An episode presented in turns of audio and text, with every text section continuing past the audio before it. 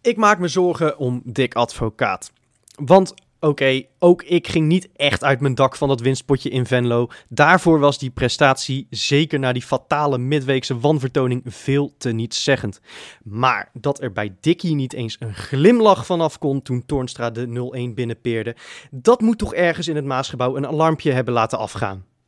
De grote kracht van advocaat was vorig jaar juist dat hij na het eindeloze chagrijn van die kale kluns waarvan we de naam niet meer noemen, het plezier bij Feyenoord terugbracht.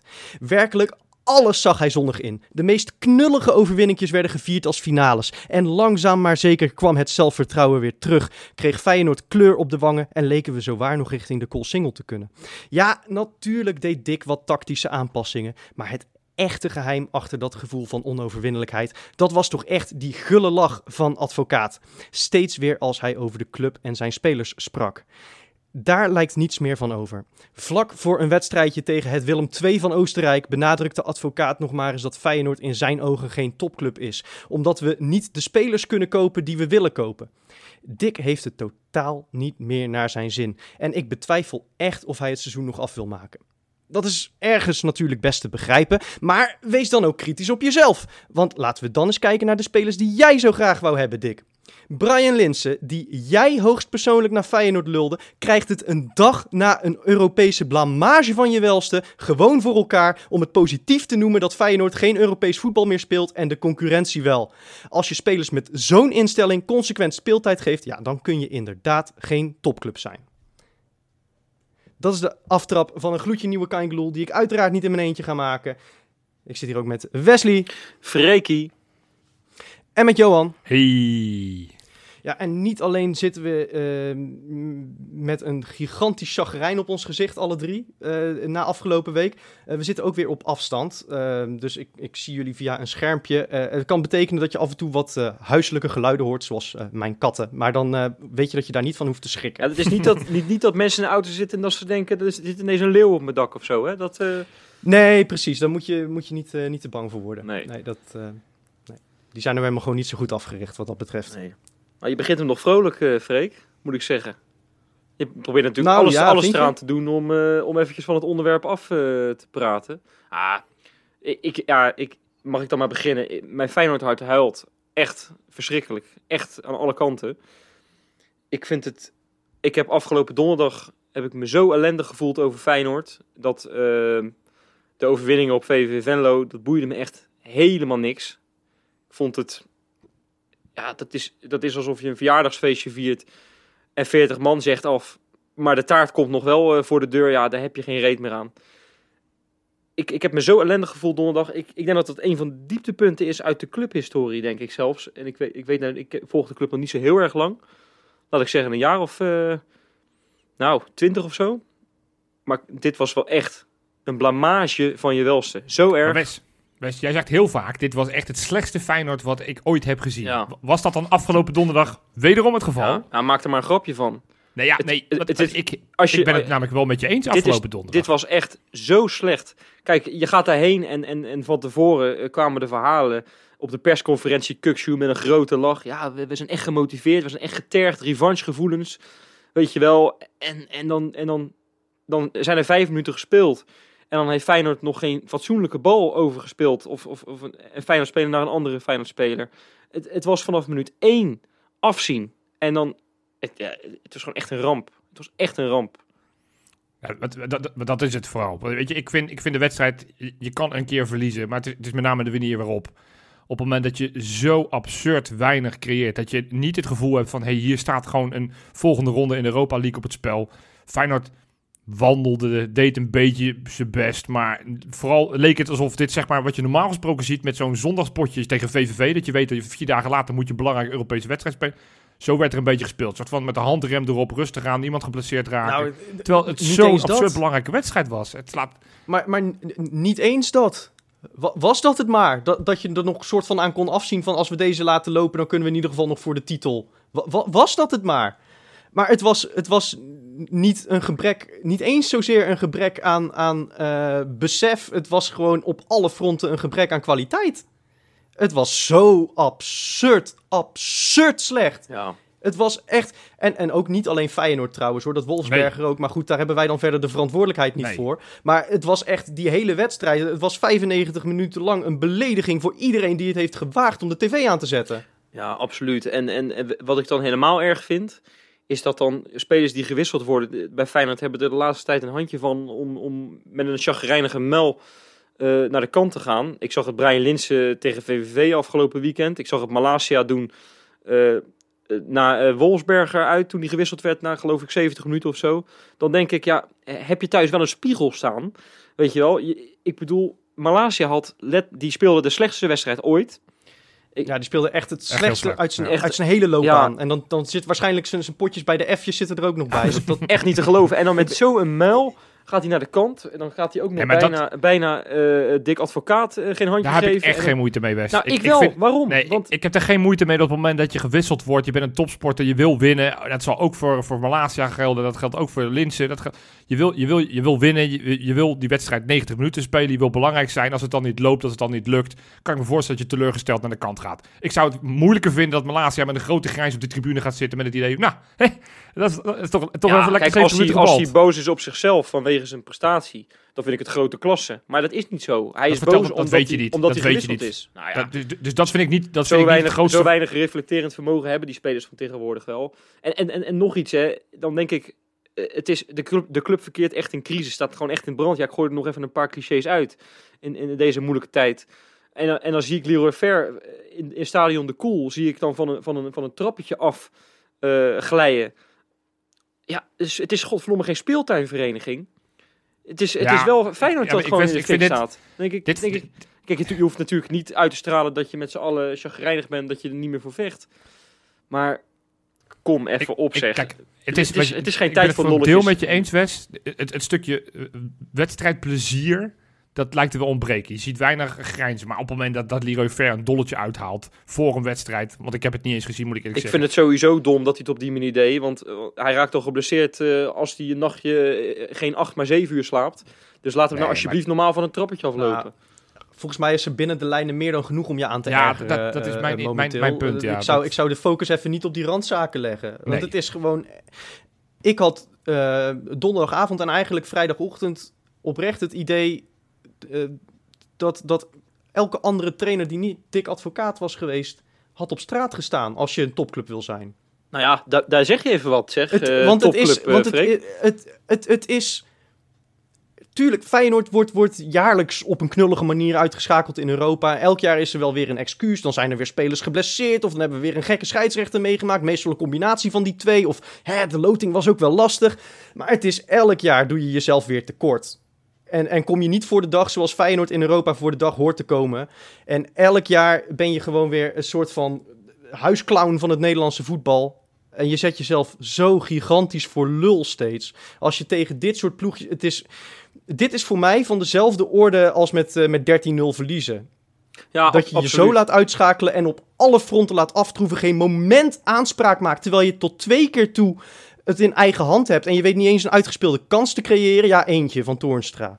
Maar je hebt tegen zowel eh, Zagreb als tegen Wolfsberger... heb je het volledig in eigen hand om door te gaan. En 180 minuten lang laat je geen enkele keer zien... dat je door zou kunnen gaan. Heb je, speel je alsof je al lang en breed bent uitgeschakeld. Ja, maar daar, Dat is gewoon, daar zeg dat je is gewoon een motie van wantrouwen waard. Nee, maar daar, daar zeg je het goed, denk ik. En, en dat is een beetje wat ik bedoelde met vooraf hoor je dan teksten van we zijn gretig en dit en dat. Ja, allemaal voor de bühne blijkbaar. Want je hebt het niet teruggezien. En ik heb ook het niet het gevoel dat die gasten het, het allemaal zouden kunnen. Ik denk echt dat er inderdaad een gebrek aan, aan, aan kwaliteit ook in die ploeg is. Hè? We hebben Kukshoe weggezet zien worden als een, als een, als een klein, klein, klein kind bij die goal. Nou ja, eh, Diemers, Freek, wil ik je op de kast jagen.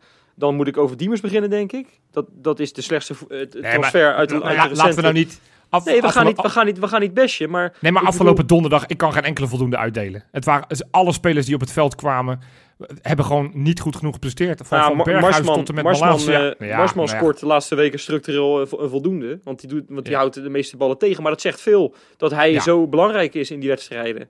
Dat zegt veel over hoe, hoe Feyenoord maar geen grip kan krijgen op wedstrijden. En, en, en naar achter leunt. Totaal geen spektakel voor het andere doel. Dat vond ik nog het ergste. Dat je inderdaad de bal niet drie naar elkaar kan overspelen. En tot een kans komt. Hè? Ik bedoel, die, die kans van Toornstra komt ook maar een beetje uit een soort van ja, op, opportunisme. Die, die bal van, van, van, van Linsen Ja, kan je zeggen. een slecht veld, Dat is slim gedaan. dat je maar op een slecht veld opportunistisch gaat spelen, prima. Oké, maar ook op die manier creëerden we inderdaad helemaal niks. Ik bedoel, Linsen die schiet die bal volgens mij echt blind weg. Eh, hij, hij stond geloof ik in een, in een lijstje Ja. van de mooiste bijna assists van de UEFA. Ja, dat was... eh, Het sloeg natuurlijk nergens op. Nee. Nee, Nee, maar bij de UEFA telden ze ook een bal op heb- de lat die, die terugkaatst. Die, die stonden ook in dat rijtje. Ja, dus bij de UEFA zijn ze helemaal nee, maar ik heb, pad, pad kwijt. ik weet, ik weet bij Brian Linsen nog steeds niet zeker of het niet per ongeluk toch gewoon een schot op doel was. Nou, laten, we, laten we hem geven, inderdaad. Nou ja, over schot op doel gesproken. Die Jurgensen die, die schoot op een gegeven moment op één meter afstand van dat doel. Die schoot hem naar de andere kant. Zoals in een FIFA-spelletje, weet je wel. Ja, het is, we, kunnen, we kunnen iedereen We, ja, we kunnen bezig blijven. Het is, het is exemplarisch, maar daarom stel ik ook voor dat we, dat we gaan kijken naar, naar of er niet iets, iets structurelers aan de hand is. Want ik bedoel, ja, er zijn heel veel mensen geblesseerd, maar ook met deze elf had je natuurlijk gewoon de nummer 7 van Oostenrijk van de mat moeten vegen. Nou, en, en Johan en ik hebben geloof ik nu al drie keer deze discussie gehad, eh, waarin ik een beetje plagerig elke keer tegen hem zeg dat hij niet moet zeggen dat ze er niks van kunnen, want dat is de goden verzoeken. En ja, oké, we, we halen nul punten tegen die gasten. Dus er zal vast een kern van waarheid in zitten. Maar ze kunnen er natuurlijk echt helemaal geen hout van. Ja, en precies. Feyenoord moet daar altijd eh, van winnen. Maar het feit dat dat nooit gebeurt, was eh, natuurlijk de reden dat ik jou een beetje Ja, zat te stangen, Johan. Ja, ik, ik denk... Omdat Feyenoord tegen dit soort ploegen... Het is, het is niet toevallig Wolfsberger. Het is elk jaar is het wel weer iets. Dan is het weer trend zien. Dit soort ploegjes, dat Young Boys, dat kon er ook helemaal geen hout van. Wel iets andere orde dan dat Wolfsberger. Maar het is elk jaar een ploeg die je makkelijk omver zou moeten vegen. Die in de eredivisie niet bij de eerste tien zou eindigen. Dat is het soort teams dat ons structureel Europa uitjaagt. Dat ben ik kotsbeu. Nou, dan ben ik, vind ik Young Boys iets andere orde, want die zou in Nederland ook bij de top 5 eindigen. Maar inderdaad, dit is wel zo'n voorbeeld. Maar wat, wat ik dan... En het is hartstikke goed dat Feyenoord zo hoog staat in de eredivisie, op een derde plek. Ik bedoel, dat verbloemt de zaken nog enigszins. Sterker nog, als dat niet het geval was, dan was Dick al lang opgestapt, dat weet ik zeker. Ik denk als VVV was verloren, dan had hij de eer aan zichzelf gehouden en hebben gezegd... Nee, dat geloof ik ook niet. Nou, dat, dat, dat kan ik, me, ik kan me dat heel goed voorstellen. Maar dat verbloemt de zaken zo. Feyenoord heeft nu 25 keer, eh 25 wedstrijden op een rij in de Eredivisie niet verloren. En nou, iedereen eh, staat van de daken te schreeuwen dat Feyenoord eh, ja, die reeks eh, heeft. Hartstikke knap in de Eredivisie. Maar da- daar komt nu de nadruk een beetje op te liggen, heb ik het idee, in die, in die praatprogramma's. Ik zie dan zo'n Theo Jansen, die zie ik dan eh, bij, bij dat... eh, ik weet niet waar die zat. Eh, die zit tegenwoordig ook overal. Die zie ik dan, die zie ik dan ook zeggen, ja, hartstikke knap van Feyenoord. En nou, dat is, toch, geeft toch ook wel aan dat het allemaal niet zo slecht is. Dan denk ik, ja, jongens, is dat nou het niveau waar we naartoe moeten willen? Ik heb het jou vorige week horen zeggen in de podcast, Freek. Je kan toch nooit tevreden zijn met gelijke spelen tegen Sparta en Heracles en op Ja. structurele basis gewoon, hè? Nee, Maar dat het- is een het- beetje alsof je tevreden bent met Theo Jansen als analist. Dat is van dezelfde orde. Dat moet je gewoon niet doen. Maar het een sluit het ander niet uit, jongens. Het, het, het, het- Nee, maar je kan, je kan trots zijn op, anders op, die, over, op die reeks. Want ik bedoel, ik, ik zou het nog kutter vinden om te verliezen van Sparta of van Twente of van RKC. tuurlijk. Maar tegelijkertijd moet je wel teleurgesteld en boos en geïrriteerd zijn op het moment dat je dus niet wint van die ploegen. Dus het een kan wel los van het ander. Maar inderdaad, er wordt nu wel af en toe, met name in de media, te veel gefocust Nou, gelegd op die, op die Nou, reeks.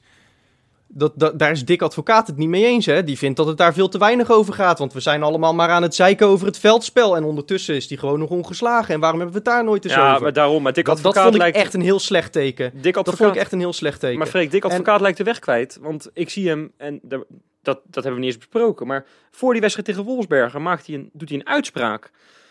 Nou ja, Nou ja, die had ik volgens mij in mijn aftrap zitten, toch? Die uitspraak. Ja. Of, of heb je een andere op het oog? Nee, nee, ik had het over die uitspraak. eh, over die, eh, ik neem aan dat je daarop doelt. Die eh, van, van, van Feyenoord is geen topclub. Hè? Feyenoord, dat, dat is Ajax. Nou ja, hij heeft daarin gelijk. Maar dat is gewoon nog... Wij hebben een soort open wond op die arm. En hij gaat daar met zijn hele arm in, weet je wel. Dat is, dat is en, en dan ook nog zo dom om dat als trainer te zeggen. Ik had ik, heel veel Feyenoorders die ik ken, heel veel kameraden moet je dan zeggen, weet je wel. Die waren op dat moment wel klaar met Dick Advocaat. Het krediet heeft hij een beetje verspeeld daar. En, en dat vind ik ook helemaal niet gek. Hij heeft een geweldige reeks neergezet bij Feyenoord. Hij heeft inderdaad het plezier teruggebracht, wat je zei. Maar het, het hele plezier is al het hele seizoen nergens te zoeken. Het is nergens, het is nergens terug te zien. Feyenoord heeft twee goede wedstrijden gespeeld. Tegen Willem II en tegen CSKA Moskou. Voor de rest is het allemaal slecht geweest. Ja, en, en we hebben al vaker gezegd ook, hè, hij heeft een hele lange voorbereiding gehad. Ehm, hij zou de zorgen dat de selectie fitter was dan ooit. Hij heeft alle tijd gehad om aan het veldspel te werken. Je hoopt dat zo'n ploeg doorgroeit na, dat, na die sterke tweede seizoenshelft van vorig jaar. Het lijkt alleen maar slechter te worden, eh, nog altijd. Want ik bedoel, VVV kon er natuurlijk ook echt geen hout van. Als je die had verloren, eh, ja, dan had je gewoon de club kunnen opheffen. Want die hadden echt van, uh, van voorschoten 6 nog niet verloren, of nog niet gewonnen, dat VVV. Ehm, maar ik denk dat dat belangrijk is om even aan te stippen. Ehm, we kunnen nu wel met z'n allen heel erg gaan. gaan en ik, ik, merk dat zelf ook. Je kunt wel zeggen, dik advocaat moet eruit. En op deze manier wordt het ook langzaam onhoudbaar. Want wat mij betreft is het seizoen mislukt. Ik bedoel, wat je, wat je donderdag hebt laten zien, dat kun je alleen nog goed maken als je aan het eind van het jaar met die schaal staat. En dat zie ik gewoon oprecht niet gebeuren. Ehm, dus ja, wat mij betreft is het seizoen mislukt. Maar je, je zit wel met iets lastigs. Want advocaat is bezig aan zijn laatste klus, zegt hij. Nou, hij heeft ook weer vorig seizoen genoeg krediet opgebouwd dat je hem niet uh, een half jaar voor zijn pensioen er nog even uitgooit. Je gaat ook niet slot nu binnenhalen, want dan, dan vermoord je zijn krediet al voor volgend seizoen. Dat moet je absoluut niet doen. Je hebt geen betere interim trainer beschikbaar, want de allerbeste interim trainer zit bij ons op de bank. Hij is alleen iets te lang blijven zitten. Um, maar de, de, de crux is niet dat, dat wij niet uh, dankbaar zijn voor wat advocaat vorig seizoen heeft gedaan. Maar we hebben toen hij een jaar geleden, of uh, toen hij een jaar in dienst was bij Feyenoord, hebben we, ik heb dat item nog eens terug zitten luisteren. Toen hebben we al besproken. Dick Advocaat is een trainer die er puur voor de korte termijn zit. En dus moet je hem ook afrekenen op de korte termijn. En ja, als je dan vijf keer gelijk speelt, uh, waaronder in eigen huis tegen, tegen Sparta, tegen Twente, tegen Utrecht. Uh, als je op deze manier uit Europa vliegt, ja, dan blijft er heel erg weinig over om enthousiast van te worden. Want op de lange termijn gebeurt al helemaal niks uh, positiefs. Uh, niet, niet onder dik. Allemaal waar. Tegelijkertijd ga ik wel dik advocaat hier een beetje verdedigen. Want nee, die reeks die zal ik niet zelf gaan aanhalen. Maar anderzijds, je staat nog steeds maar vier punten achter Ajax. En je staat maar één punt achter PSV. En ja, die moeten we allemaal in, de, in januari krijgen we die allemaal nog. Dus de competitie is nog steeds niet helemaal heel erg geëffectueerd. Omdat ja, je weet het gewoon niet waar je staat ten opzichte van die ploegen. Ik, eh, ik ben op dit moment durf ik wel te zeggen dat we niet de favoriet zijn in die wedstrijden. Tegelijkertijd, Dick Advocaat heeft wel bewezen dat het een vechtmachine uh, kan afleveren. Dat het steeds op het moment dat, het, dat je denkt van nou, nu, nu zijn we dood en begraven. Dat we toch puntje per paaltje of die gelijkmaker maken of de winnen maken. Vorig jaar ja, waren het vaak de winnen. Dus. Meen, je, meen je dat serieus, Johan? Nee, maar kijk, het woord vechtmachine, neem je nou echt het woord vechtmachine in je mond? Want da, dat is wat ik echt al een half jaar niet heb gezien. Nou, ik, ik vind op het moment. Kijk, en, en je kan afvragen van of het, of het mooie vecht, vechtpartijen zijn of niet. Maar op het moment dat je in RKC, terwijl het echt helemaal niks lukt, dat je uit bij in Waalwijk, dat je nog een punt pakt. Dat je uiteindelijk. Uh, uh, terwijl weer 75 minuten lang denkt van het, gaat weer niet lukken tegen VVV. Maar dat je uiteindelijk in dat laatste kwartier toch drie doelpunten maakt. En uiteindelijk die wedstrijd relatief makkelijk uh, wint. Ja, tegenstander is slecht. Dat, dat snap ik ook allemaal wel. Maar het is wel steeds een ploeg. En, en, vorig jaar, wat ik zei, won die ze. Dit seizoen wint die ze niet. Is het vaak een gelijk spel? Of is het dat je denkt, ja, was er niet nog een eindpush?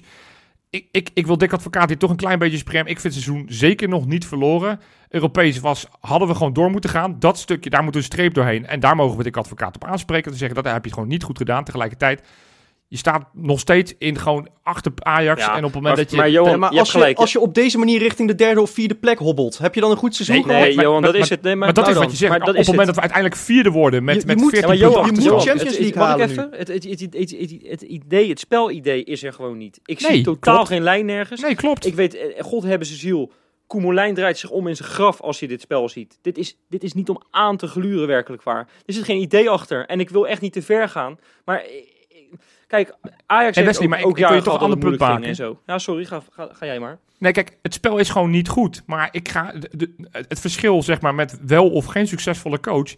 Giovanni van der Bronckhorst hebben we eigenlijk in die vier seizoenen die bij ons hoofdtrainer was, hebben we ook drie seizoenen vreselijk voetbal zitten kijken. Was ook vaak niet om aan te gluren met die hoefijzertjes achterin, heen en weer, heen en weer, heen en weer.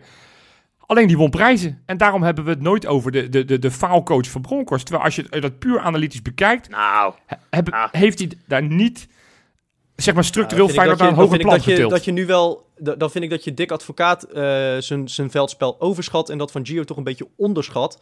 Eh, ik vind dat je dat een beetje chargeert. Ehm, Nou, maar ik- ik denk is- dat er niet heel veel verschil zit, neer hoor. op wat ik Het komt wel neer op wat ik net zei. Van als, je, als je op deze manier de club leidt, als je dit beleid voert als trainer, dan moet je dus zorgen dat er resultaten zijn. En die zijn er momenteel niet. En de enige manier waarop je dit nog kunt compenseren is dus als je ja, je direct kwalificeert voor Champions League voetbal. En dat kan gewoon nog. Dus, dus in zoverre wil ik niet spreken van een verloren ja, seizoen. dat kan gewoon nog. Maar wat Wes en ik proberen aan te geven is...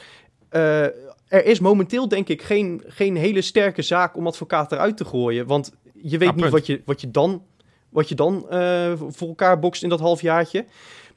Maar het, is, het moet wel echt alle alarms zijn op rood. En het moet heel snel, heel veel beter. En eigenlijk heb je de grootste slag die je dit seizoen had kunnen slaan, heb je al lang verloren. Nee, eens. Maar tegelijk, nou ja, dat blijf ik. ik ben, jullie kennen mij, ik ben een beetje op de positivo.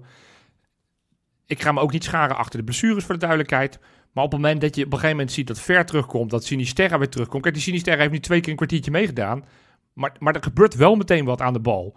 En we hebben het hele seizoen hebben we zitten kijken naar die Linse. En die heeft nog al 15 potjes gespeeld en er gebeurt niks met hem aan de bal. Nee, precies. Maar, maar daarom, dat, dat tik ik ook op het rapportje van advocaat. Hè? De spelers die hij heel graag wilde, die, die nee, renderen niet. Die kunnen het niveau gewoon is niet ook aan. een beetje mijn fout. Is ook een beetje mijn fout, Freek. Ja, ik, ik, hand in eigen boezem. Dik Advocaat heeft naar de Kein Geloel podcast geluisterd. En ik heb gezegd, joh, neem die Brian Linsen nou. Dus die kan je volledig op mijn konto schrijven. Geen enkel probleem.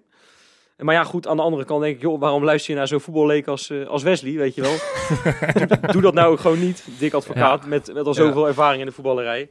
Maar ja, die vallen, ook wel, die vallen ook wel door de mand, hè, die aankopen. Nee, maar ik, ik probeer alleen maar aan te geven, uh, um, de resultaten lijken momenteel nergens op. Ondanks dat we er nog relatief dichtbij staan. De spelers die hij heeft gehaald, uh, die, die zijn gewoon geen Feyenoord materiaal. die hij heel graag wilde, hè. Uh, nou ja, het, het, het, enige dat hij nog kan doen is een prijs pakken. En nou, dan geen bekertje of zo. Nee, maar, maar laten we, laat dat dan nu de doelstelling zijn. Europa ja, dan moet Sinisterra wel echt in wereldvorm terugkomen, hè? Nou, ik heb daar wel vertrouwen in. Ik, uh, ik ben weer blij, we hebben heel lang geroepen. 20 goals staan we achter en 4 punten. Wat zeg je? 20 goals en 4 punten staan we achter Ajax. Ja, Ga er maar aan staan. Nou ja, goed, we moeten ze nog twee keer hebben. Dus dan staan, staan we twee punten boven. Nee, weet je, het is allemaal nog veel te vroeg om het seizoen af te schrijven. Het is niet goed. Ik, ik, ik word niet blij van het spel van Feyenoord.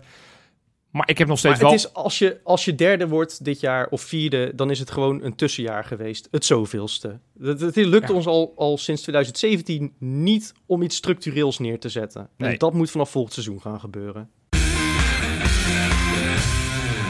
En om ervoor te zorgen dat we dan vanaf volgend seizoen eindelijk wat, uh, wat structureels gaan opbouwen. Nou ja, op de achtergrond gebeurt al uh, het een en ander. Is een adviesbureau ingeschakeld. Feyenoord heeft een vijf ringen systeem. En dat is dus niet de Olympische ringen uh, ingevoerd. Het is wel een, een, vooruitgang ten opzichte van het vier sporen beleid misschien. Vijf ringen. um, Ik moest er ook aan denken, Freek. Jeetje, Mina. Maar, ja, nou ja, er gebeurt op de achtergrond wel het een en ander. Een radicale koerswijziging. Uh, de oude garde loopt uh, schijnbaar weer te mopperen daarover. Uh, maar misschien relevanter is het wat er nu allemaal naar buiten komt. Over wat Arnessen allemaal aan het doen is met de club. Ja, we moeten beginnen, Freek. Ik, ik vind overigens interessant wat je zegt, dat de oude garde het daar niet mee eens is. Ik, ik zit dan bijvoorbeeld zo'n Veronica Inside te kijken.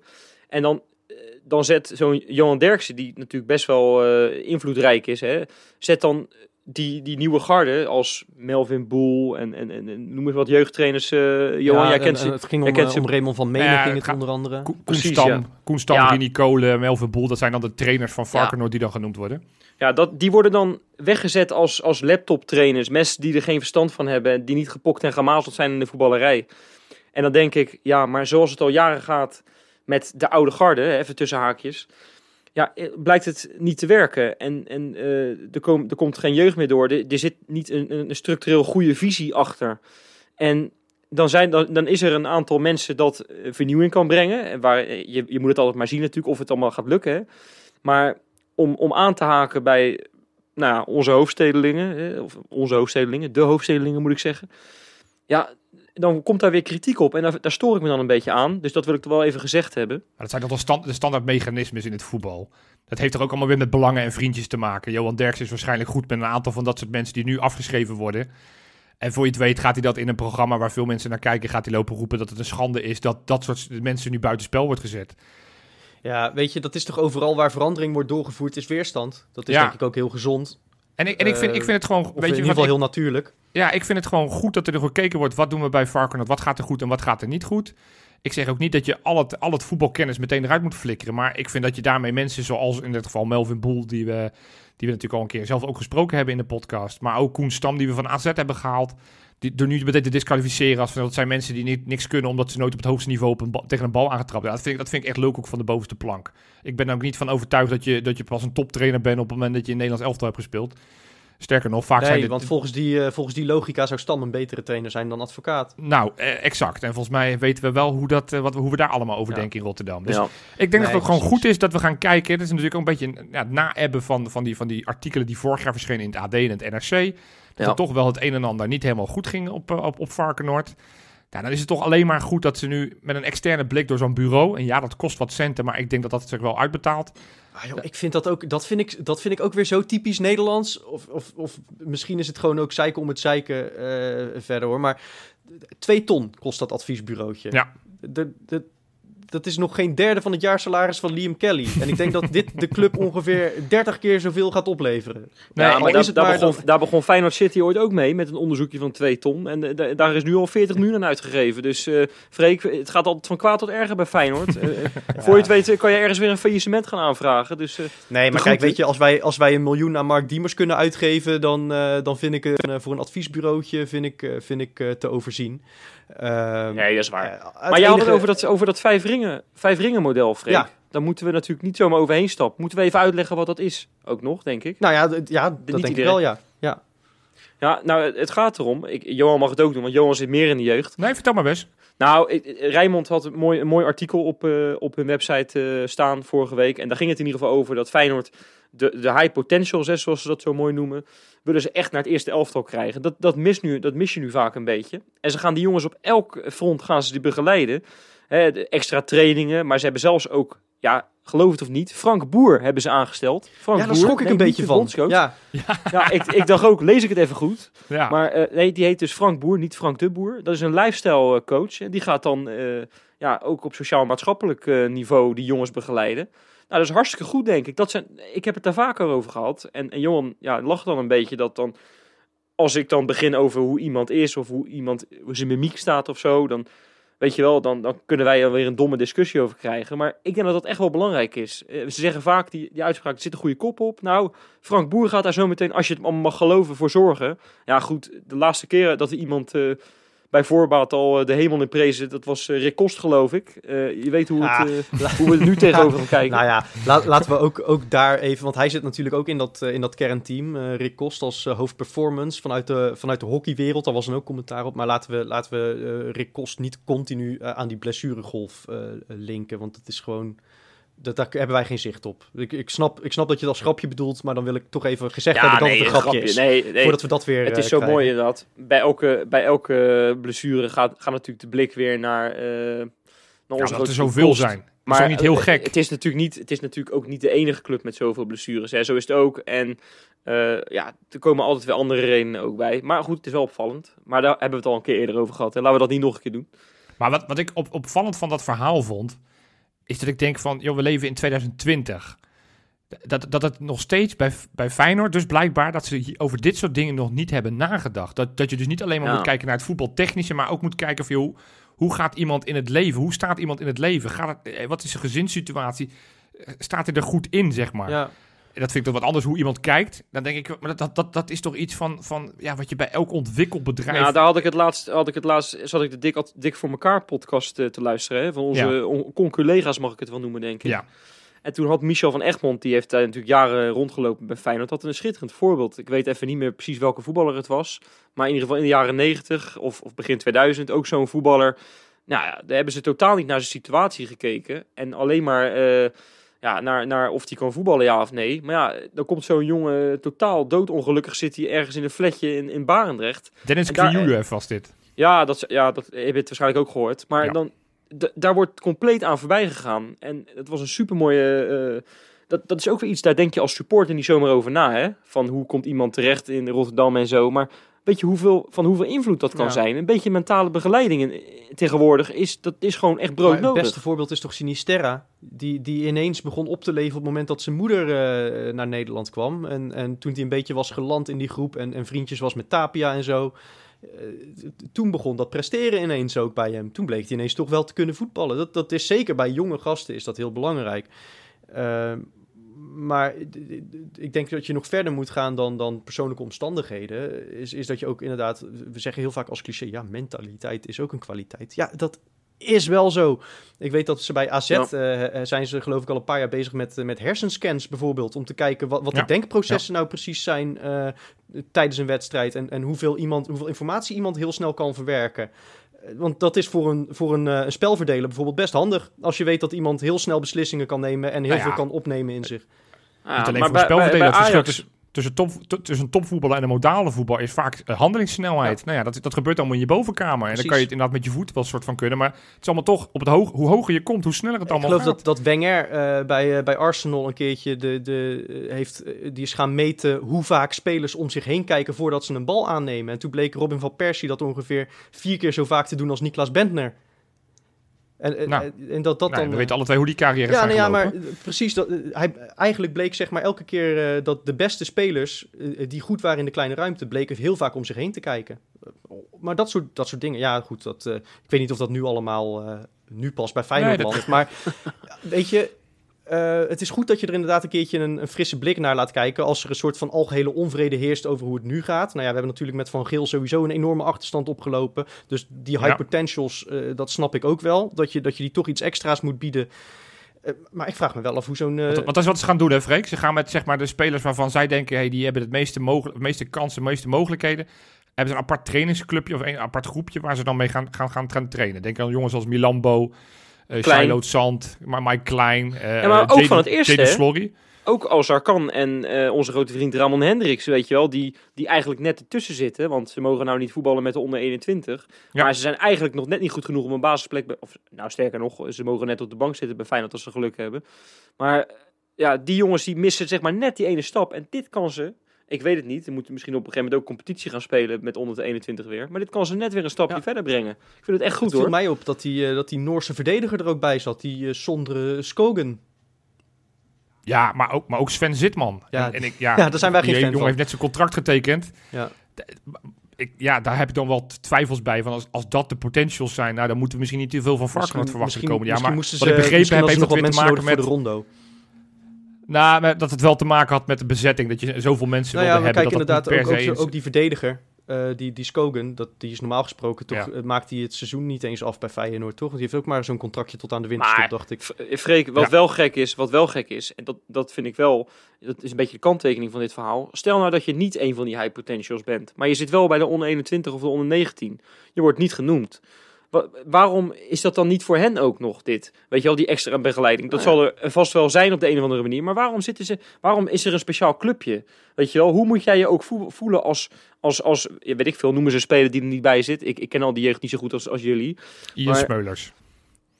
Ja, Nou ja, waarom zitten die, die maar- daar niet maar je- gewoon bij? Wat is daar de Je- logica je, je achter? kunt dat natuurlijk ook gewoon... te- ja, ten eerste eh, denk ik dat het heel normaal is dat je in een jeugdopleiding ook onderscheid maakt tussen je toptalenten en, en degene van wie je, aan wie je nog twijfelt. Maar je kunt dat natuurlijk ook zien als een soort eh, eh, ja, motivatie hè, voor die gasten. Ja, Van maar een- Freek, dan, dan, ben je, dan ben je Ian Smeulers. Ja. En dan hoor je dit. Dan, dan is toch het eerste wat je doet, is toch je telefoon pakken naar de trainer. Zeggen, joh, ik wil bij dat clubje, want ik wil beter Ja, en dan worden. zegt de trainer, Maar- nou, dan zou ik eerst maar zorgen dat je dit en dit en dit gaat doen, voordat je eh, op het niveau zit van Ramon. Hendricks. Nee, dat geloof ik niet. Ik denk gewoon dat Feyenoord in de jeugd zo weinig karakters heeft, die uit zichzelf...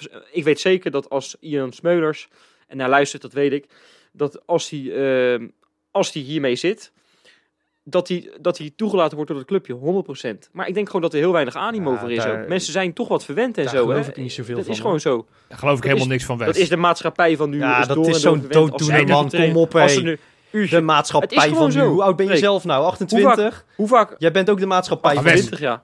Nee, maar ik, eh, hallo, ik, ik ben er zelf ook schuldig aan. Wat deed ik toen ik 18 was? Nou, niet trainen in ieder geval. Dus eh, anders had ik waarschijnlijk nu ook ergens op een Ja, veld maar er, waren, er zijn toch ook gasten van jouw leeftijd die het wel hebben gered. Meer dan genoeg, want we, we voetballen nog steeds elke week.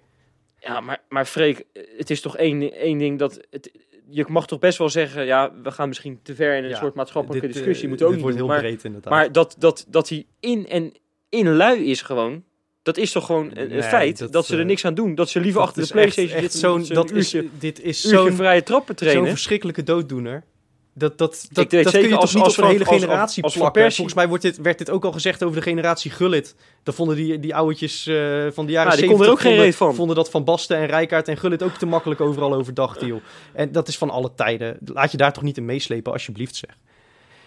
Ik denk, dat ze, ik denk dat ze nu heel graag veel, eh, en, en, en veel wedstrijden en trainingen zouden willen doen. Maar op dit moment kan dat gewoon niet door alle maatregelen van het kabinet. Nee, dat, dat klopt. En- Maar we zitten nu even in een andere tijd. Maar nou ja, had het, had dit, deze discussie had je ook twee jaar geleden kunnen voeren natuurlijk. Hè? Nee, maar, maar goed, de- realiteit is natuurlijk wel dat nu onze talenten nu al nou, praktisch om en nabij een klein jaartje gewoon niet aan het voetballen zijn. En daar maak ik me wel zorgen Hey, over. zullen we, Kijk, zullen we even, als- even, even terug naar de kern gaan, jongens? Want eh, we, kunnen nu, Ja. we, we vervallen nu een beetje in een hele algemene discussie. Maar ik word echt... We hebben net een, een, een zeik-item gehad. En terecht ook, want het was verschrikkelijk vorige week. Maar ik word waanzinnig enthousiast van alle plannen die ik lees. Ik had echt... Ja. Het, het was een verschrikkelijke Feyenoordweek, maar dat hield me op de been. Ik lees echt heel veel veelbelovende ontwikkelingen. En ik- vooral ook het feit dat de jeugdspelers zelf eh, op hun social media enthousiaste eh, verhalen en foto's van Arnissen delen. Eh, die zijn hartstikke trots met wat er gebeurt. Zijn super blij met, met het plan dat er voor ze ligt. Die merken dat ze serieus worden genomen. Hoe zou zo'n Summerville nu in Engeland zitten? Ja. Ja, ja, ik denk wat minder lekker, ja. Hoeveel heeft hij mee mogen Maar doen bij. Leeds onder, onder 23? Het, twee, anderhalf Ja, potje geloof ik, precies. toch? Ja, van nog niet heel veel. Nee, nee. Lekker Hey, Serrano. maar als je het hebt over een... Ja, ja. nee, ja precies. Ik denk dat die... eh, nou ja, dat, dat verlengde is het wel fijn vorige week. Nou, vlak voordat we de podcast gingen opnemen. Denzel Hall, Ja. ook bij, eh, bij Dalglish als zaakwaarnemer wel zijn contract verlengd. Ook een speler die, eh, nou ja, die best wel... Geweldige, geweldige zaak waarnemen. Ik heb het altijd al gezegd, jongens. Ik vind dat echt een geweldige beer. En Ja. we mogen, hij mag altijd langskomen voor een kopje koffie om zijn verhaal te doen. Dan zou het toch eigenlijk wel heel erg leuk zijn, hè? Om Ja. hem al een keer als gast in de podcast te doen. Nou, ja. Ik denk dat er niet heel veel mensen gaan luisteren dan. Ik denk het wel, Jopie. Ja, nou goed, we gaan het zien. Hey jongens, we hebben het over jeugdspelers. En ja, toevallig heb ik eh, in mijn, eh, mijn rubriekje elke week heb ik ook een jeugdspeler. Dus zal ik hem gewoon instarten? Ja hoor. Bakens in de vette. Komt ie. Op nummer drie. Het was weer een goede week. Dus ik heb weer ge- ge- mooie namen waar ik jullie mee wil, eh, wil verblijden. Op nummertje drie. Ik zei het al. Oud jeugdspeler. Nigel Roberta. Eén potje meegedaan in het eerste bij Feyenoord. Vorig seizoen scoorde hij vrij makkelijk. Dit seizoen gaat het allemaal wat moeizamer. Dat heeft ook te maken met dat zijn ploeg minder draait. Staat in de, in de middenmoot in, eh, in Bulgarije. Levski Sofia. Maar afgelopen weekend maakte hij eh, de- zijn tweede goal van het seizoen. Hij maakte namelijk de de 1-1. Uiteindelijk werd de wedstrijd 2-2 tegen Tsarka Zelo. Nou, op nummertje 2. Geen jeugdspeler, maar wel een speler die ook eventjes bij ons gespeeld heeft. Ruud Vormer speelde midweeks in de Champions League met zijn Club Brugge. Moest winnen van Lazio Roma om door te gaan naar de volgende ronde. Dat is helaas niet gelukt, maar dat heeft Ja, niet ik aan- geloof aan een balletje op de lat, hè? In de laatste minuut nog. Ook nog, ja. Maar eh, nou ja, Ruud Vormer die maakte een, eh, een goal. En dat was een, eh, een rebound. En hij maakte daarna, gaf hij ook nog een haarfijne assist. Uiteindelijk werd het 2-2 en ze hadden een overwinning nodig om door te gaan. Nou, dat is dus helaas niet gelukt. Maar eh gaan nu door in de Europa League. En op nummer 1, ja, een man die, eh, die al eerder een keer met een winnende goal eh, in de bakens heeft gestaan. En nu wederom, ik heb het namelijk over Kevin Dix. Maakte in de 85ste minuut eh, in het uitduel met zijn Aarhus tegen Horsens. En je weet wel wie bij Horsens speelt, hè? Michael Lump. Nou ja. Heel goed, jongens. Maar goed, in de, ze stonden... eh, Ik had het 1-1 niet helemaal scherp, Jopie. Sorry. nou, schandalig. Schandalig dat je niet weet waar Michael Lump speelt. hey, maar ze stonden 1-1 gelijk. 85e minuut. Lange ingooi. Waarschijnlijk hebben ze ook de ingooi trainer hebben ze gehad. En die mikte hem zo op het hoofd van een, eh, een, een speler in de 16. Die kopte hem door. En met een omhaal maakt Kevin Dix de goal. Met een omhaal? Ja, zeker. Met een omhaal. Kan je dat even herhalen, alsjeblieft? Een omhaal. Ja, Nou ja, absoluut. Kevin ja, Dix. Ja, ja, ja, ja. En daarom, ja, ze wonnen met 1-2. En belangrijker, blijven ze meedoen in de top van de Deense competitie. Maar Dus dat is wel leuk. spannend. Ja, geweldig. En ik heb die foto gezien van hem op Instagram. Hè, want als, als, als Insta-inspector moet je dat toch bijhouden. Ja. En nee, dat is geen brug, eh, voor de duidelijkheid. Maar eh, ik zag die foto en dan zag ik zo'n verbeten eh, kop. En zo'n juich, mooie juichplaat was dat. De laatste keer dat ik hem zo heb zien juichen was tijdens de bekerfinale... toen hij om de nek van Van Persie heen vloog. Nou, Na die, na die, die, die 2-0, die schitterende lop van, van onze maestro met nummer 32. Hè? Ja, precies. Nee, nou ja, goed, hij, is, eh, hij, lijkt zijn vorm weer gevonden te hebben. En Feyenoord zoekt nog een rechtsback. Maar nee, Frank, niet in Denemarken gaan kijken Nee, alsjeblieft. en, Dix en ook is niet goed Kelvin Leerdam? Kelvin Leerdam, terug toch? naar Nederland. Nee, ook niet. Alsjeblieft niet. Hou dat toch nee, op, dat nee. gaat allemaal niet gebeuren. Komt goed.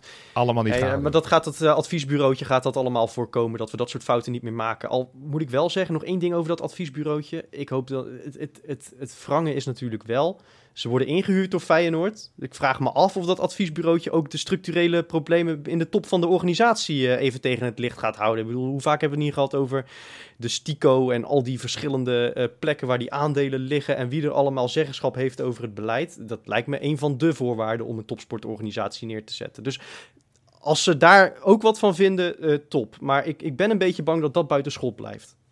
Verder, want ik ga niet negatief afsluiten. Ik word echt heel erg gelukkig van de verhalen rondom eh, die nieuwe plannen van Frank Arnissen. En ik hoop dat we daar al heel snel resultaat van gaan zien. Nou, dan gaan we weer kijken naar de week die voor ons ligt met een heuse topper op het programma, namelijk eh, tegen Vitesse. Ja, het is niet bepaald de klassieker, maar eh, ja, toch een concurrent voor de bovenste plaatsen momenteel. Ehm, ja, Maar je vergeet wat. Je Wat vergeet wat. ik? Eerst midweeks een weekje in de beker. Maar die hebben we gewonnen. We zijn weer door naar de volgende Oh, ronde. Holley! ik denk al, we hebben geen wedstrijd op donderdag. Hoe kan dat nou? Nee, Jongens, ja. dit is echt een goede tijden, slechte tijden eh, niveau van eh, acteren hoor. Ik, eh, ik vond dit heel matig. Ja, Een zes. Freek, hè? Freek? Nou ja, het is nog altijd, niet goed, eh, nog Nee. altijd hoger dan ja, Mark ik was- Diemers eh, als Nijhuisfluit. Ja, nee, maar goed, een paar weken geleden, want dat is natuurlijk, deze, deze midweeks wordt de bekerronde gespeeld en Feyenoord is, eh, is vrijgeloot. Ik vind het echt nog steeds een schande werkelijk dat die beker doorgaat. Ik, mijn oplossing was echt, joh, had die beker, bekerfinale van vorig jaar gewoon naar dit jaar gehaald. Want al die amateurclubs zijn eruit geflikkerd. Eh, In de derde ronde dat allemaal clubs vrijgeloot worden. Het is echt het is, het is een gedrocht van een bekertoernooi dit jaar. Maar goed, wij hebben de mazzel dat we niet die midweekse wedstrijden hebben. En volgens mij vinden de spelers dat wel heel erg fijn. Ja, ze doen er alles aan om niet, mixweek, aan wat om niet mix, eh, midweeks te hoeven spelen. Dat hebben we gezien de afgelopen Aldus, dagen. Aldus Brian Ja. Linsen, ja. Maar goed, nou ja, dus die hebben we niet. Dus we hoeven ons alleen maar te focussen op Vitesse. En dat is denk ik fijn, want Berghuis ging er natuurlijk met een blessure vanaf. Ik las al wel weer dat, dat er gezegd werd bij Rijnmond van dat het mee lijkt te vallen. Nou, dan is het wel extra fijn dat je niet midweeks een wedstrijdje hebt. Dus Ik las dat hij weggaat, trouwens. Ja, maar dat werd ook alweer ontkracht. En- Amerika. Hij werd er weer Ja. ontkracht door de, onze grote vrienden van, eh, van de FTM. Hè? Moeten we wel Ja. eventjes credits nog even geven of niet? Ja, moeten we even credits geven, ja. Credits geven, ja zeker. Ja, nee, maar goed, ja, het kan. Ik bedoel, het kan altijd dat hij, dat hij in, de, in de winter weggaat. Ik, ik ben er wel een beetje bang voor, want nou, ik vond hem niet per se de afgelopen weken uitblinken in spel, spelvreugde. Al vond ik hem afgelopen zondag tegen VVV best aardig en best goed spelen. En alweer een lekker goal. Kijk, eh, maar goed, ik is- hoop dat hij er gewoon zondag bij is. is- Want die wedstrijd is wel rete belangrijk, het hè? is, eh, Vitesse het- staan gewoon op gelijke hoogte. Het is super logisch eh, dat je naar Berghuis kijkt als een van de spelers die het moet forceren als het even niet loopt. Maar eh, als, als eh flegmatieke rechtsbuiten is hij natuurlijk ook wel heel erg afhankelijk van hoe het achter hem allemaal geregeld is voordat hij kan in, eh, uitblinken. Dat is, het is geen, geen nummer 6 of nummer 10. Eh, dat, hij draagt dat nummer wel op zijn rug, maar dat is niet een positie waarin je in je eentje het allemaal even gaat regisseren. Eh, dus het is logisch dat op het moment dat er dan aanvallend iets meer ruimte komt en, en dat de ploeg wat verder naar voren speelt, dat Berghuis ook weer wat beter in zijn spel komt. Maar goed, ja, dat, dat Ja. maakt wel dat hij niet, eh, zoals we eigenlijk van hem willen verlangen als, eh, als aanvoerder en als onze beste speler, dat hij het in zijn eentje even ombuigt. Dat, dat, dat is gewoon niet het type speler dat hij is. Helaas. Maar goed, zondag, ik, ik, wat ik zeg, ik hoop wel dat hij erbij is. Want het is echt een rete... Het zijn nog twee wedstrijdjes voor de winterstop.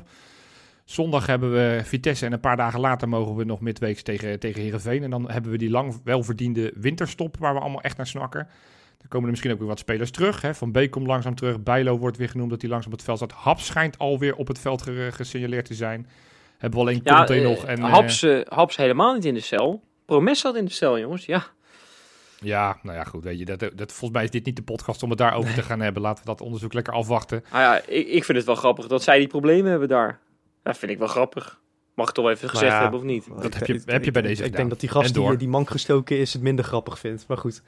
Ja, Dat is zeker minder Ja. grappig. Ja. Absoluut. Maar goed, dus ja, Vitesse, wat ik zei, ze staan op gelijke hoogte met ons. Wij hebben een iets beter doelsaldo, draaien een rete goed seizoen. En ik heb een paar potjes van Vitesse zien- gezien en ik vind ze best leuk en fris voetbal spelen. In tegenstand dat die coach van PSV, heeft hij gewoon gekeken naar wat voor spelersmateriaal die heeft. En heeft volgens mij daar zijn elftal op geformeerd. In tegenstelling tot, wat, tot, tot, die Schmid bij PSV, die dacht, ik, eh, ik ga gewoon 24 nieuwe spelers Je zou halen. bijna gaan zeggen, Ik de dat ene Duitser is de ander niet. Nou, bij, bij deze ja. Maar goed, ik, ik, ik, ik vind Vitesse leuk voetballen. Eh, maar, nou goed, Wesley zei net al, bij Feyenoord luisteren ze intern naar ons. Want ja, anders hadden ze Linsen natuurlijk nooit gehaald. Nee. Ik hoor elke week hoor ik de aanvoerder van de tegenpartij die tegen Vitesse speelt. Van ja, we hadden geen antwoord op, eh, op de inschuivende Bazoer van achter. Dan denk ik, ja, als je nu al wekenlang weet dat ze met drie verdedigers speelt. En dat Bazoer elke keer naar voren pompt. Verzin daar een plan op. Dus Dick, alsjeblieft, verzin een plan op hoe zij met die drie verdedigers achterin Nou, spelen. er is maar één plan dat je moet maken. En dat is om... eh, hoe heet die gozer nou? Ben ik zijn naam kwijt. Tanane. Tanane inderdaad... eh, eventjes aan te pakken. Want dat is eh, de enige speler die in vorm is. Nou, niet de enige speler. Er zijn er wel meer in vorm. Maar die is behoorlijk in vorm dit seizoen. Eh, had ook weer een mooie... Of een grote rol bij het doelpunt dat ze tegen Heerenveen maakte afgelopen weekend. Dus, nou ja, het, dat is een goede, die doet het echt goed. En die loopt alweer te solliciteren naar een, eh, een transfer... eh, of in ieder geval een plek bij PSV, Ajax of Feyenoord. Nou, en niet Nou, Arnissen, ook niet Dat- intrappen. Dat gaan we, niet dat, doen. gaan we, Dat wordt gewoon die- weer Brian die 2.0. gaat- 2.0. Die gaat niet naar Ajax of PSV hoor, Tanane. Daar geloof ik niks van. Ah, wa- even één ding trouwens nog. Hè. Ik zag die Remco Pasveer, eh, leuke keeper voor de rest hoor. En die is al hartstikke oud. Maar die heeft, die heeft, dat is een goede, goede vriend van Brian Linsen. En die zegt dan na afloop van die wedstrijd dat hij voor de wedstrijd, Feyenoord moest toen ook nog spelen, lekker met Brian Linsen heeft gefacetimed. Ja, ja, dan denk ik, jezus. Brian Linsen, focus je lekker even op je eigen ploeg.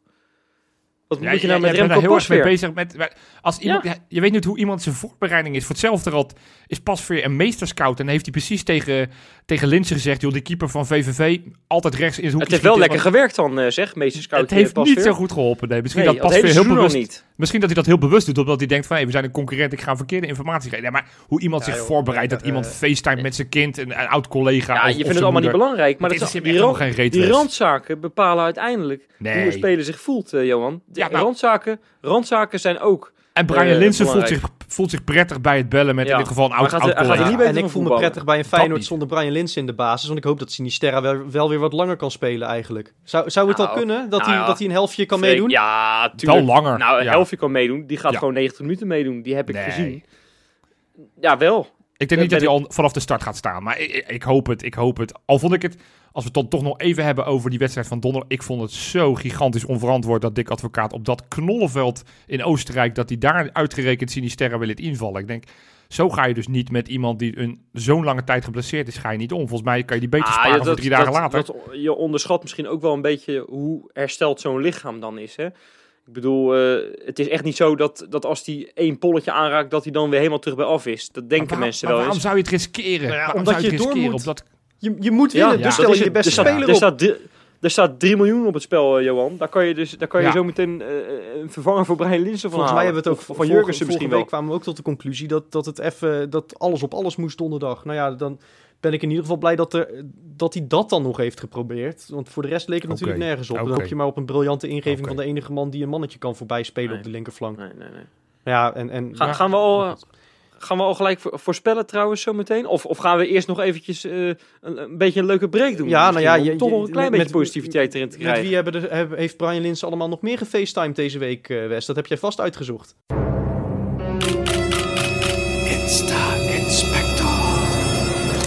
Nou, dat niet, helaas. Freek. Jammer. En de Insta Inspector uiteraard weer. Maar er is wel zoveel leuks weer voorbij gekomen op de Insta. Of, of op, de Insta sorry, op de Instagram. Zal, zal ik beginnen met... eh, nou ja, nou, trouwens wel. Brian Linsen komt in de Insta voor. Ja, niet nou, begin daar maar mee dan. Nou, kijk, ik moet het even zeggen. Ik, ik zie dan, en ik begin dan even met het vliegtuig. Want ik zie dan plaatjes van Feyenoord op de sociale media in het vliegtuig. Nou, dan zie ik al die gasten kaarten met elkaar. Hè. Brian Linsen is, zit in het kaartclubje. Wie nog En, meer? ehm, ja, ik heb die foto net niet voor me, want ik heb het in Word uitgeschreven. Zou je net zien, jongens, zou je net zien. Dus ik, dat, moet, dat moet je even te goed houden van. Maar Nick Marsman zit er sowieso ook bij. Eh, er zitten er nog een paar anderen bij. Die krijg je nog een keer van me. Oké. Maar, maar wat ik dan niet begrijp, allemaal lekker voor de bühne met zo'n mondkapje op, dat vliegtuig in. En dan zitten ze in het vliegtuig. En dan zie ik ze allemaal op de foto ongeveer op elkaars lip zitten. Dat is één. Met dat kaartspelletje en zonder mondkapje. maar, eh, nou, wil ik echt ze niet gaan in zeiken. topsportbubbel, hè? Ik bedoel, eh, Ja, dat maakt er Ja, niet ja, uit. dat maakt maar wel uit, alleen- Denk je, voor- voor- voor- in, de Formule, in de Formule 1 doen ze dat ook. ja, maar En, en, daar, en, daar, en daar gaan ze er ook met, met, met z'n allen met zo'n mondkapje op. Het is een soort van voorbeeld wat je stelt voor de mensen. En ga dan ook niet met zo'n met zo'n mondkapje het vliegtuig Ja, in. maar dat zijn is natuurlijk gewoon op dat moment regels op de, op de luchthaven. Dat is toch allemaal niet zo moeilijk te begrijpen? Dat hoeven we niet allemaal iets achter te gaan zoeken, toch? Nou ja, ik, ik vind het gewoon raar. Ik denk gewoon, hou dat mondkapje op. Denk ik dan. Ja, Ja, nou ja, als Wij jij drie ook- uur naar Oostenrijk moet vliegen, eh, dat... eh, maar als wij als normale burgers moeten dat ook. Hè? Ik vind voetballers voelen zich vaak, wa- vaak een wanneer beetje zit jij, wanneer jij regels. drie uur in de trein? Ja, ik niet. Ik niet, maar iemand anders misschien. Maar die ik vind- toch allemaal ik vind- Wes? Die zijn toch ik allemaal vind- getest? Ik vind daar wat van. eh, nou ja, ja maar Feyenoord toch, is eh, nu volgens mij twa- Wat twaalf, weken op rij geen, zeggen, besmettingen. dat is Ja, je misschien nog wel een mooiere reeks dan die ongeslagen reeks van Dick is. De ongeslagen reeks van Casper van Eyck. Dat is waar, dat is waar. Maar weet je wie wel zijn mondkapje ophield? Nou ja, Malasia. Kijk, die, die zit natuurlijk helemaal in de boeken, hè? dat hebben we allemaal meegekregen. Ja. En die, eh, die had weer een, een pil bij, hoor. Daar, wil je, daar word je helemaal eng van. Nou, wat denk je? Die gozer is horny. Ja, niet voor de goal helaas, maar wel door het boek wat hij leest, 50 tinten grijs. En, eh, Is hij dat ja, aan het lezen? niet- dat is hij aan het lezen. En ik weet niet hoeveel bladzijden hij heeft gelezen. Ja, dat weet ik zeker. Ik weet niet hoeveel bladzijden hij heeft gelezen. Maar ik denk dat hij nog schil was afgelopen donderdag. Want hij heeft geen knikker geraakt dus. Eh, door waarschijnlijk al die bladzijden die, Hij was eh, trouwens hij heeft zondag gelezen. wel een stuk beter. Dus misschien heeft hij het dan vrijdag uitgelezen op de, of, op de terugweg. Of donderdagavond. Dat zou kunnen. Nou, dat zou kunnen. Nee, maar die is lekker in de boeken bezig. Nou, Ja, die was jongens, natuurlijk net, net, net gestopt in die, in die, in die scène, dat, in die BDSM-kamer. Dus die helemaal van geschrokken. Dan was hij helemaal beduusd van donderdag. En zondag kwam hij erachter dat, dat die vrouw daar plezier aan had beleefd. Dus die dacht, hey. Ah, jij hebt het boek ook gelezen, merk ik? Eh, misschien. Ja. En door. Ja, dit heb je helemaal zelf gedaan, Johan. Ja, dat heb je helemaal zelf gedaan. Nou, gaan we van de ene, van de ene kamer met BDSM gaan we naar de kamer met, eh, met, met een computertje en een controller. Dat is natuurlijk een hele andere tak van Oh god, daar gaan we weer. Nou, heeft hij weer gewonnen. Oh. Julian Berg, dames en Ja. heren. Hoeveel zitten we inmiddels? 722 en Twee. 0? Nou ja, je zegt het bijna goed. Omgekeerd, 270 over. En wanneer mag hij nou weer een keertje naar buiten? Want zijn huid ziet intussen ook 50 tinten grijs. Dat is waar, dat is waar. Maar, maar even één ding trouwens. Deze week de klassieker in de E-divisie. hè, Gaat dat volgen? Want dat is hartstikke belangrijk. Kunnen we in ieder geval nog een keer winnen van die hoofdstedelingen. Dat willen we natuurlijk ook een keer zien. Oké. Nou, gefeliciteerd Ja. En misschien ga ook, alsjeblieft eh, een keer naar buiten. Nee, blijf voor, binnen. Blijf binnen. voor. Iedereen moet binnen blijven. Dus, An andere koek. Carlo de Leeuw had deze eh, vorige week 60 jaar geworden. Heeft het Ja. helaas natuurlijk niet gered. Dat weten we allemaal. Is, is, ja, dus in februari was het geloof ik. Of, ja, februari, ik zeg het goed. Is natuurlijk overleden. Ehm, en Tapia, die hebben we een tijdje natuurlijk niet gezien. In, eh, je hebt hem vorige week geloof ik benoemd Klopt. in, de, Ja, in in de bakens. in de Ja. bakens. Maar hij komt ook in de Insta voor, want hij had eh, daar aandacht voor. En ik vind dat hartstikke mooi. Dat hij had een hartstikke goede band met Carlo de Leeuw, Tapia. Het was een beetje een vreemde snuiter natuurlijk, die Tapia. Hè? Die, die zoals wij hem mogen noemen. Maar ik vind het toch wel mooi dat hij, ondanks dat hij al weg is, nog daar eventjes aandacht aan besteedt. Vind ik echt grote klasse. En dat tekent ook wel dat de lijntjes toch misschien wel korter zijn dan we soms wel denken, weet je wel. En eh, kijk, we hebben het natuurlijk in het tweede item hebben we het net gehad over die Frank Boer. Over zeg maar hoe die zeg maar probeert. Ik denk dat bij, bij het eerste dat je mensen als Carlo de Leeuw, maar bijvoorbeeld ook in het verleden Gerard Meijer. Ja. Of, of dat dat soort mensen, Bas van Noordwijk, dat die om, om die ploeg heen, om ook die spelers, om af en toe gewoon een arm omheen te slaan. En zo, doe, doe je verhaal even bij mij. Want dat kan je bij advocaten. Ja, ik dat, geloof niet. dat is Cor, Cor Pot is dat nu geloof ik echt eh, de, eh, dat is nu echt de persoon inderdaad Ja, die dat doet op de training. dus ik denk dat ze bij de eerste weinig toe aan de veldtrainingen, maar die, die is perfect voor de, voor de psychologische oorlogsvoering zeg maar. Ja. Dus goed dat, ze dat, dat soort mensen ook hebben. Die misschien op, op papier maar materiaalman tussen aanhalingstekens zijn. Of Ja. maar masseur. Maar ondertussen denk ik dat ze best wel stiekem heel veel meer doen. Oh ja, nee, Ja, maar natuurlijk. precies. Dat is een, het is een veel grotere rol dan, eh, dan dat soms wordt gezegd. Ja. ja. Absoluut, absoluut. Hey, over psychologische oorlogsvoering gesproken. Ja. Die spandoekenactie van Feyenoord, hè, dat, is natuurlijk, dat is natuurlijk geweldig. Dat is zometeen alsof, alsof het hele legioen er, er staat. Maar dan zonder Maar dan geluid, geen ja. mensen, maar, maar teksten. Ja. Superleuk, natuurlijk, hè, dat hebben we al een paar keer gezegd. Maar veel aandacht deze week weer, in de, in de media ook. Ik zag ineens Benny Wijnstekers heeft een doek eh, genomen, naast Ja. John de Wolf. En, en Gerard Meijer natuurlijk, de, het zoveelste clubicoon dat, eh, dat daar een hoop eh, geld in steekt. Noemt zichzelf al eventjes Mr. Feyenoord, maar dat is hij geloof ik Ja, ook. volgens Dus mij heeft hij die dus dan mag je hem ook wel noemen. eh, uitgereikt gekregen, officieel. Ik bedoel... Ja, ik vind dat wel mooi. Hij had een soort, ja, had een heel leuk spandoek had hij. En eh, zelfs zijn lengte staat erop en zo. Alles, je, alles van die man moet je maar even naar de spandoek kijken. Dan weet je, ben je helemaal bij. En ik heb een spandoek gezien, Freek. Nou, ik weet zeker, dit vind jij leuk. Dat was een stukje poëzie. Mag ik hem even voorlezen? Uiteraard. Daar komt, daar komt hij, hè. Het ging zo. Ruw, grauw ruur. Lauwe kroketten. Smerig bier. Maar de emotie is puur. Nou, Mooi. en dan komt hij nog even. Kuip, ik kom liever bij jou dan in mijn eigen vrouw. Ja, dat is toch, dat is toch hoe, hoe verzin je dit, weet je wel? Zo'n beetje een stoute Insta deze week. Ja. hoor, Ja. met, Ja, eh, nou ja, zeker. En, en Meebrit. Ken je Meebrit, jongens? Mm, nee. Nee, ja, dat snap ik. Meebrit is namelijk, ik geloof nog een tiener. Of, of, ja, of negen zelfs nog, geloof ik. Heel erg jong. En eh, die was bij het Jeugdjournaal. Hartstikke leuk. En die heeft een- haar eigen spandoek mogen spuiten in dat item. En ook mogen ophangen. Hartstikke leuk. Meebrit, hartje, Feyenoord. En dat is, dat is leuke aandacht, is Ja, dat. toch. En Ja. toch leuk. Nee, zo hou je Ja, ook de, de jonge jongens. supporters een beetje betrokken in deze tijd, hè? Dat, eh, Nou, we hebben onlangs al Guus hebben we gehad, hè, in de, in de, ja, wij, wij dragen show. steentje bij op die manier. Zeker, hartstikke leuk. Nog één ding, jongens. Quincy Hartman. Ja, daar hopen we allemaal van dat hij het eerste haalt. Quilinci. Maar die heeft een geweldig... Ja, Quilinci, maar ik mag hem Quincy noemen. Dat weet, dat weet Ja, Quincy ja. ook. Want Quilinci, ja, je breekt je tong drie keer over dat woord, over zijn naam. Maar die heeft dus een, een, een, een parkiet of een vogeltje. Ik weet niet wat het is, sorry. Maar dat, dat vind ik leuk. Iemand die lekker met zo'n met zo'n hui, zo'n huisdiertje heeft. Ja, ik vind dat leuk. Ik, ik zag dat voorbij komen. Ik denk, ik moet het even melden. Oké. Oké. Leuk. Worden we daar toch even vrolijk van, zeg, in deze tijd van, van, van Ja, onzekerheid? joh. Nou, Nou, dat was hij weer, jongens. Ga, ga, helemaal ga goed, maar Gijs. meteen door met je deze vrolijkheid, lach. want volgens mij ga jij een winstpartij tegen Vitesse voorspellen, of niet? Ja, ik, ik moet eerlijk zeggen dat ik... eh, ik weet eigenlijk niet of we uit of thuis spelen. We spelen uit in Arnhem. Op In Arnhem? over, over een vreselijk veld trouwens. Ik heb dat van de week zitten kijken. Nou ja, het zal niet is- slechter zijn dan bij Wolfsberg. Nou. Zeker, zeker de kant die- dichtst bij de dugouts. Dat is echt niet te bekijken. Dat is echt niet te doen, dat zo slecht. Dus, dus nee, het is geen goed veld daar. Het het was een wonder dat het veld bij VVV er zo goed bij lag. Want ik heb Hans de Koning even gesproken van onze patron. Die zei ook al, we gaan het hele veld omploegen, want daar kan Feyenoord niet tegen. Weet Ja. je wel? Dus eh, toch grappig. Nee, Ja. maar ik, eh, ik, ik, ik voorspel eh, dat, het, dat we die wedstrijd gaan winnen. Want dan zou je net zien dat in een crisis dan in één keer, eh, weet je wel, dan gaat Feyenoord het toch weer, weer, ombuigen op de een of andere manier. Het zal niet goed zijn. En Tanane gaat ook een keertje scoren voor Vitesse. Maar Feyenoord gaat die wedstrijd wel winnen. Puur om het feit dat gewoon de rest van de Eredivisie zo slecht is... dat Feyenoord daar nog altijd wel bovenuit steekt. Gelukkig maar. Want anders heb je helemaal niks om te juichen. Dus dat wordt gewoon 1-2. En, en ja, ik, ik zeg dit meer uit hoop dan uit eh, dat ik het echt denk. Maar Jurgensen gaat er eentje maken. Nou, dat, eh, da- daar wil ik best een mooie weddenschap op zetten, Wes. Eh, als, wat, wat, wat wil je van me hebben als Jurgensen de winnende maakt? 10.000 euro, is dat Ah, leuk? ik zat meer, we hebben ooit een, een appeltaart eh, verwet in deze podcast. Misschien meer iets in die categorie, een kerststol of zo. Nou, dat vind ik, ik vind dat lekker met dat spijs, Ja. weet je wel, van binnen. Kan je iets met spijs maken? Ga maar in de keuken alvast weer staan. goed. Doe je schort alvast Ik, maar eh, om, want ja. ik ga gelijk hebben. Is goed. Als Jurgensen de winnende maakt, dan, En- eh, dan krijg jij van mij een kerststol. En, en als hij het nou niet doet, wat moet ik dan doen?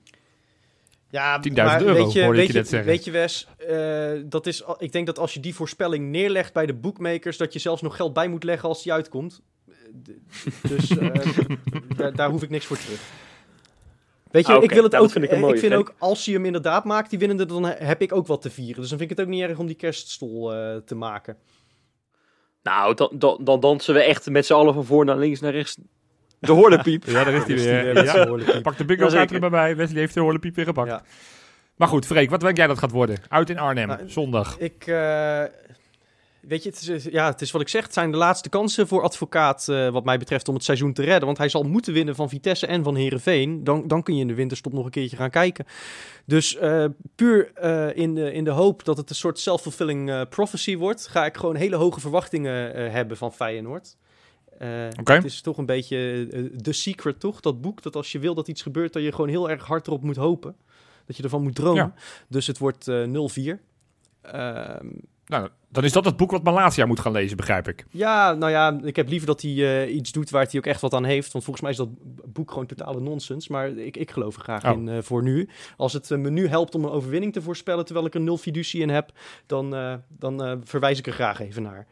Goed, nee, eh, 0-4. En ik denk dat, dat we met z'n allen toch hebben onderschat hoe ontzettend we Leroy Ver hebben gemist. Ik, ik hoop dat die weer even mee kan doen. Eh, ik, ik, ik weet niet of hij klaar is om te starten, maar dat zou Nee, dat soort- heeft hij zelf al ontkend dat dat kan. Ja, hij zei van, ik sorry. kan volgende week meer mi- minuten maken, maar nog niet, eh, niet 90. Nou, eh, 89 hoop ik dan. Eh, want ja, kijk, Toornstra die be- begint er weer een beetje te komen, maar je, je moet echt een reden hebben om Diemers op de bank te zetten, want anders dan wordt het helemaal niks daar. Dat, eh, en die Teixeira vind ik momenteel ook echt, echt verschrikkelijk. eh, Nou, eh, Louis van Gaal, hè? Hij speelt tegen zijn oude club. Brian Linssen. ja, ja, maar ik had het over Teixeira. Dat, Wat nee, er ja, nee, maar je, had, je, je zei, ja, sorry dat ik je verhaal onderbreek, maar je, had het, je zei net van, je hoopt dat, dat hij eh, alles aangrijpt om Brian Linssen op de bank te zetten. Nee, Diemers, zei ik. Ja. Oh, zei Ja. je Diemers, sorry. Nou, dan heb ik, heb, ja, sorry. Het is, Nee, maar je- het is een lange Ja, uitzending, hè? precies. Nee, ik wil gewoon een middenveld met Toornstra, Ver en, en. Want, en, en dan desnoods inderdaad met, eh met Teixeira. Ehm, en dan... eh nou, vooruit. En Sinisterra maakt er twee en geeft twee assists, weet ik het. Ik, ik hoop het gewoon, joh. Ja, sorry hoor, Oké. Freek. Hallo. Ja, joh. nou, het dan, slaat nergens op wat ik dan zeg, dat weet ik- ook wel. Maar ik moet toch iets van positiviteit brengen, man. Nou, dan stuur ik een Tupolev naar je Yes. huis. Zo, er gaat er wel heel wat heen en weer ger- gereld worden deze week. Hey, jongens, ik denk dat gewoon Feyenoord... Ja, dan kom ik weer ras optimist. Ik denk dat we daar een, relatief goede pot gaan spelen. Ik denk dat we met 0-2 gaan winnen. Ik vind eigenlijk dat wij deze uitzending... We zijn nu een uur ongeveer bezig en we hebben eigenlijk nog amper gesproken over Jens Toornstra. En dat vind ik eigenlijk wel schande, want wat was die weer waanzinnig goed afgelopen zondag. Maar Dus- je, je bewaart toch gewoon het best voor het laatst? nou, dat doe ik bij deze. Dus Jens Toornstra Precies. wordt eh, de man van de wedstrijd in Arnhem. En Die gaat net zoals afgelopen zondag tegen, tegen, tegen VVV, gaat hij er weer twee maken. Hij maakt ze namelijk allebei. allebei. We gaan met 0-2 winnen. Zo, wat zijn we positief zeg. Jongens, even serieus. Kunnen we misschien toch nog een tikkeltje dromen van de Nou, nee. single? je hebt echt een bingo kaart die je af wilt tikken, hè Wes? Nou, Eh, nee, ik, ik moet sowieso nog even wat mededelingen doen. eh, want we hebben natuurlijk weer een, eh, een nieuwe patron die we mogen verwelkomen. bij onze patrones, zoals wij dat noemen. Eh, Robin Jager. Dat is echt het, echt, het, echt het best voor het laatst bewaren. Hè? Dit, dit is echt het best voor het laatst. Robin Jager, hartelijk welkom bij eh, eh, Patreon van Kaingeloel, eh, waar je waanzinnige extra's krijgt. Check het allemaal op kaingeloel.nl, staat het helemaal uitgelegd. hoe je ons ook kunt steunen en wat je daar allemaal voor terugkrijgt. Bijvoorbeeld inderdaad zoals afgelopen week een interview met Hans de Koning over... nou ja, hoe hij de huid werd volgescholden op vak S toen hij nog bij AZ speelde, onder andere. Schitterend. Goed. Ja, ehm, op een positieve noot eindigen dan maar, toch? nou, we- volgens mij hebben we hebben we alles al gedaan, besproken wat we wilden bespreken. Ja, dus dan dan zijn we eh, gaan we er gewoon weer een punt achter zetten. En dan gaan we weer alle luisteraars een fijne week wensen. En dan zeggen we tot volgende week. Ciao, ciao.